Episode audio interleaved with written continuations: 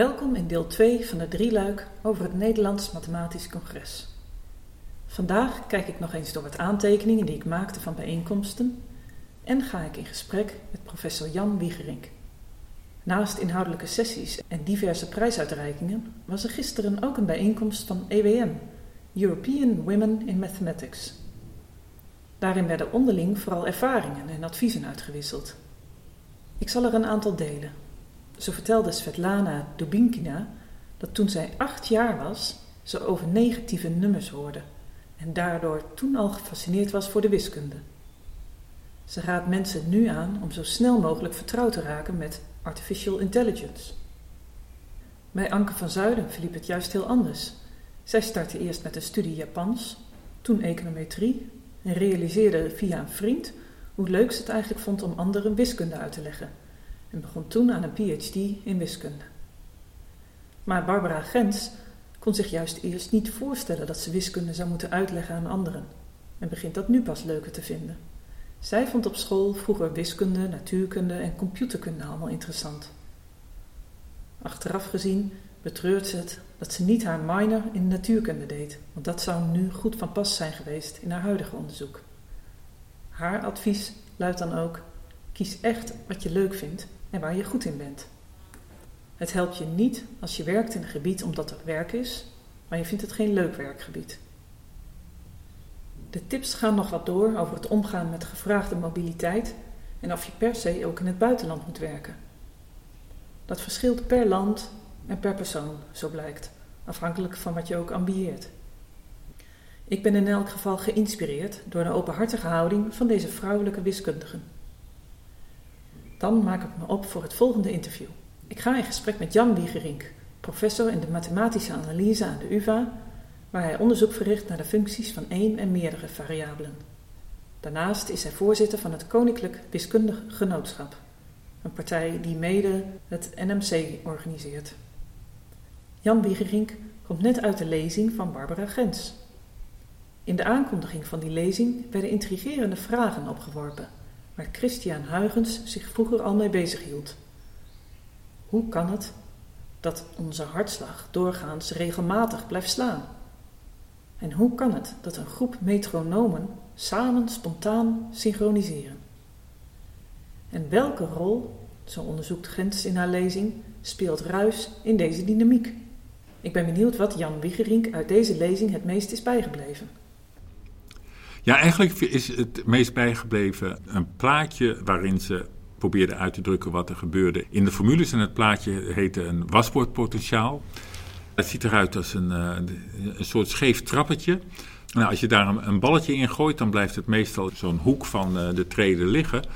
Uh, maar als er nu voldoende verstoring op zit, dan wil het nog wel eens een treden zakken. En eigenlijk ging de, de lezing over hoeveel verstoring je nodig hebt. En en nou ja, hoe groot de kans is dat het zakt en wat er uiteindelijk gebeurt als je die dingen toepast op, op allerlei situaties. En wat ook indrukwekkend was, was de hoeveelheid voorbeelden die ze gaf. Dat ging van, van koren die samen zingen tot hartritmes, tot vuurvliegjes uh, dansen. En wat ook wel interessant is, is hoe daar de abstracte wiskunde de natuur of de maatschappij om ons heen raakt. Dat is, uh, dat is altijd leuk om dat te zien in een wiskundige voordracht. Ja, mooi. Ja? Ja. Um, maar goed, we, we, zitten nu hier en ik ben ook heel nieuwsgierig uh, naar waar u allemaal mee bezig bent. Wat moet ik me nou precies voorstellen bij een genootschap? Ja, ja het is een beetje een soort vakbond van, van wiskundigen, kun je aan denken. Behalve dat er niet zoveel is om voor te staken. En, uh, en dat doet de vakbond misschien ook niet. Maar kijk, weet je, wiskunde doe je aan de ene kant wel heel individueel. Ik bedoel, je schrijft zelf je stellingen op, maar je vindt het toch ook altijd weer leuk als andere mensen ervan horen. Dus dat betekent dat er tijdschriften moeten zijn waar die dingen inkomen, of dat nou elektronisch is of gedrukt. En dat je aan de andere kant ook graag wil weten wat er gebeurt. Dus dat betekent dat mensen met elkaar moeten praten.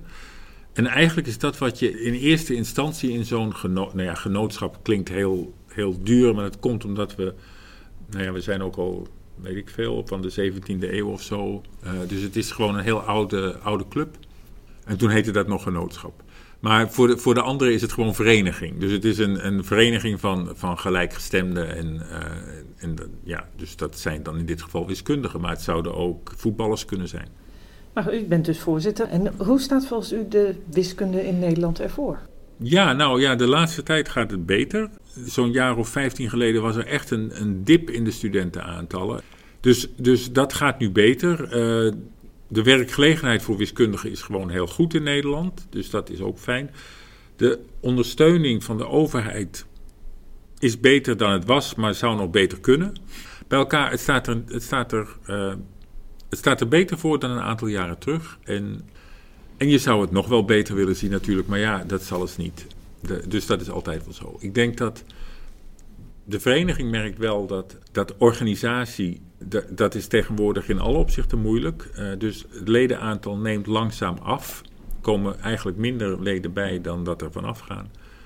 Dat is wel jammer, dat merk je ook bij andere activiteiten die we doen. Dat, dat aan de ene kant heb je wel een gemeenschap nodig, maar die, ja, tegenwoordig is het, is het denk ik, met, uh, met alle moderne communicatie veel makkelijker om om daar iets te doen zonder dat je nou echt uh, dat structureert als in een vereniging. Dus je kunt je artikel nu gewoon op internet zetten en dan leest iedereen het. Daar heb je geen tijd, of nou ja, dan kan iedereen het lezen. Daar heb je geen, uh, geen tijdschrift voor nodig. Vroeger moest je echt bij elkaar gaan zitten om, om elkaar te spreken. Nu kun je dat over de telefoon doen of, of met videoconferentie of zoiets dergelijks. Dus een hele hoop dingen, die, daar kun je ook wel omheen. En dat merk je wel uh, bij de ledenaantallen. Gewoon dat mensen zeggen, ja, ik heb dat eigenlijk niet nodig. Nee. Maar ja. bent u dan bezig met een moderniseringsslag? Hoe ziet het er over tien jaar uit? Nou, ik hoop nog ongeveer hetzelfde. Wij zijn echt uh, wel een conservatief genootschap. Dus, dus ik denk niet dat dit heel... Uh, dit gaat niet heel snel veranderen. En is er iets wat u over tien jaar zou willen hebben bereikt met de KWG? Het KWG? Ja, zo noem ik het maar even. Hè? Ja, het KWG, dat is de prima koninklijk wiskundige genootschap. Wij hebben het ook over het KWG. Is er iets wat we zouden willen bereiken? Nou, ja, ik denk dat, dat als je zou zeggen, nou 20% meer leden, dat zou een aantal uh, toch wel wat zorg wegnemen. Dus we hebben daar ook wel plannen voor om dat te doen. En wat we verder natuurlijk, dus we zijn een beroepsvereniging, dus als we ergens kans zien om nou ja, iets te doen uh, in dat kader, en dan moet je niet denken aan salarisverhoging, maar meer aan funding voor wetenschappelijk onderzoek, dan, dan gaan we dat zeker niet laten. Dus, dus wiskundige genootschap samen met de Nederlandse Vereniging voor Wiskundeleraren, die hebben een jaar of tien geleden PWN opgericht. Nou, jij had wel met Wil Schilders gesproken. En daar liggen een hele hoop van de dingen die wij zouden willen, die, die liggen bij PWN. Ja. Uh, of die hebben we naar PWN toegeschoven. Nou ja, als platform net ietsje, ietsje breder is en, en ook met wat, nou ja, wat meer achterban heeft dan alleen het KWG. Ja. ja. Maar wat u ook doet uh, via het KWG is het uitreiken van een aantal prijzen. Ja, uh, er worden er steeds meer. Aha, kunt u daar iets over vertellen? Ja, nou ja, dus, dus, dus prijzen. Eigenlijk was Nederland is een beetje Calvinistisch misschien. En dus prijzen die waren er eigenlijk nooit in Nederland. KWG heeft jarenlang alleen maar de, de Brouwermedaille gehad. Die werd eens in de drie jaar uitgereikt. Wel pu puur goud, dat was dan natuurlijk ja, wel een echte medaille. Er wordt een serieuze commissie opgezet. En die kijkt naar binnen een bepaald vakgebied. Dat wordt dan aangewezen door het bestuur naar eigenlijk degene die die medaille het meest uh, verdiende. Kijk, tegenwoordig telt op je cv, als je een baan wil hebben binnen de, de wetenschap, dan is er een kopje prijzen. En daar moet je dan invullen welke prijzen je gewonnen hebt. Of wat je, ja, uh, nou ja, dat soort dingen. En dan is het toch fijn dat, dat er ook prijzen zijn om, om erop te zetten. Dus het is goed voor, zeker voor jonge mensen die die prijzen krijgen, dat, dat ze er zijn. Het staat goed op hun cv. Het is ook leuk. Mensen vinden het spannend. We hadden net de Master of Science prijs voor het beste masterwerkstuk, zal ik maar zeggen. Thesis. En er was een nummer 3, nummer 2, nummer 1. Nummer 1 weet dat ze gewonnen heeft als nummer 2 vermeld wordt. En uh, die sprong echt letterlijk een gat in de lucht. Dus dat is gewoon leuk om te doen. En dat, er is ook altijd veel belangstelling voor die dingen. We hebben straks een PhD-prijs voor het beste. Maar het is niet echt voor het beste proefschrift, dat hebben we ook. Dat heet de Stieltjesprijs. Maar die prijzen die zijn een mooi argument om, om goede mensen een verhaal te laten houden. Dus dat is naar, naar ons toe. Maar het is voor de mensen zelf ook heel erg leuk als je zo'n prijs krijgt. Dat kun je gewoon, dat, dat is, het is een, een trofee, weet je. Het is, maar waar wordt het op beoordeeld? Maar bijvoorbeeld de NG de Bruinprijs werd ja. ook uitgereikt. Nou ja, die was dus voor het beste artikel in de afgelopen twee of drie jaar, denk ik drie jaar. En dat was gewoon de prijs voor het beste artikel. Nou, dat is natuurlijk hopeloos als je dat als commissie. Er werken in Nederland, uh, nou pak een beet, uh, we hebben er 70 in het instituut uh, totaal, als je alles meerekent. Dus dat moet je dan met tien. Nou, kleine duizend mensen werken hier, die schrijven allemaal twee artikelen per jaar. Er zijn 2000 artikelen, die kun je niet allemaal doornemen. Dus wat je dan doet is, is vraag aan de instituten van... hebben jullie mensen die je daarvoor wil voordragen? En dan krijg je een selectie. Er waren geloof ik, nou, ik weet niet, een stuk of tien of zo... die dan echt werden voorgedragen. Nou, die commissie die moet ze dan over die, die tien papers buigen. Dus dan komen ze met een soort shortlist. Denken we die, die of die... En, op en die sturen ze dan nog eens een keer naar experts die daar dan ook nog wat over kunnen zeggen. En, en zo is dat uh, gegaan. Het is niet dat het een artikel is wat bijvoorbeeld waar het meest naar werd gerefereerd. Dat is niet het criterium. Het speelt wel een rol hoeveel aandacht het getrokken heeft. Dat kan. Dus de prijswinnaar, uh, ja, die had een aan het spel set gerelateerd probleem opgelost. En dat kwam je zelfs in de NRC. Dus de impact van het artikel, daar kun je het wel over hebben zonder dat het nou over citaties gaat.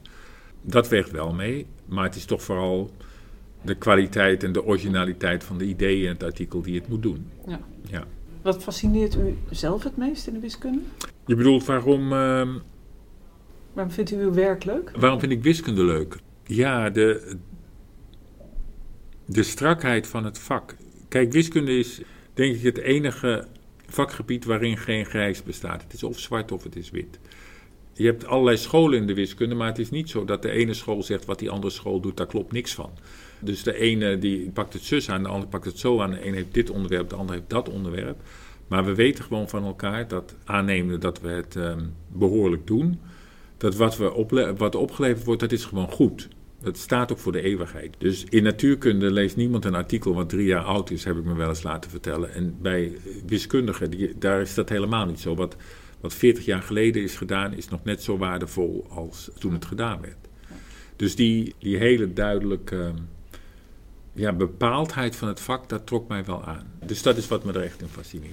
Ja. Ja, of of wat, wat me daartoe trok, denk ik. Ja. ja. En, en naar de toekomst toe, is er nog iets waarvan u hoopt van ik hoop dat er daar nou eens een keer een goed artikel over komt. Uh, of in uw eigen werk misschien. Iedere wiskundige heeft denk ik zo ergens in, in zijn hoofd of misschien zelfs opgeschreven een lijstje van oké, dit zou ik willen doen, dat wil ik doen, dat, hier moet ik over nadenken.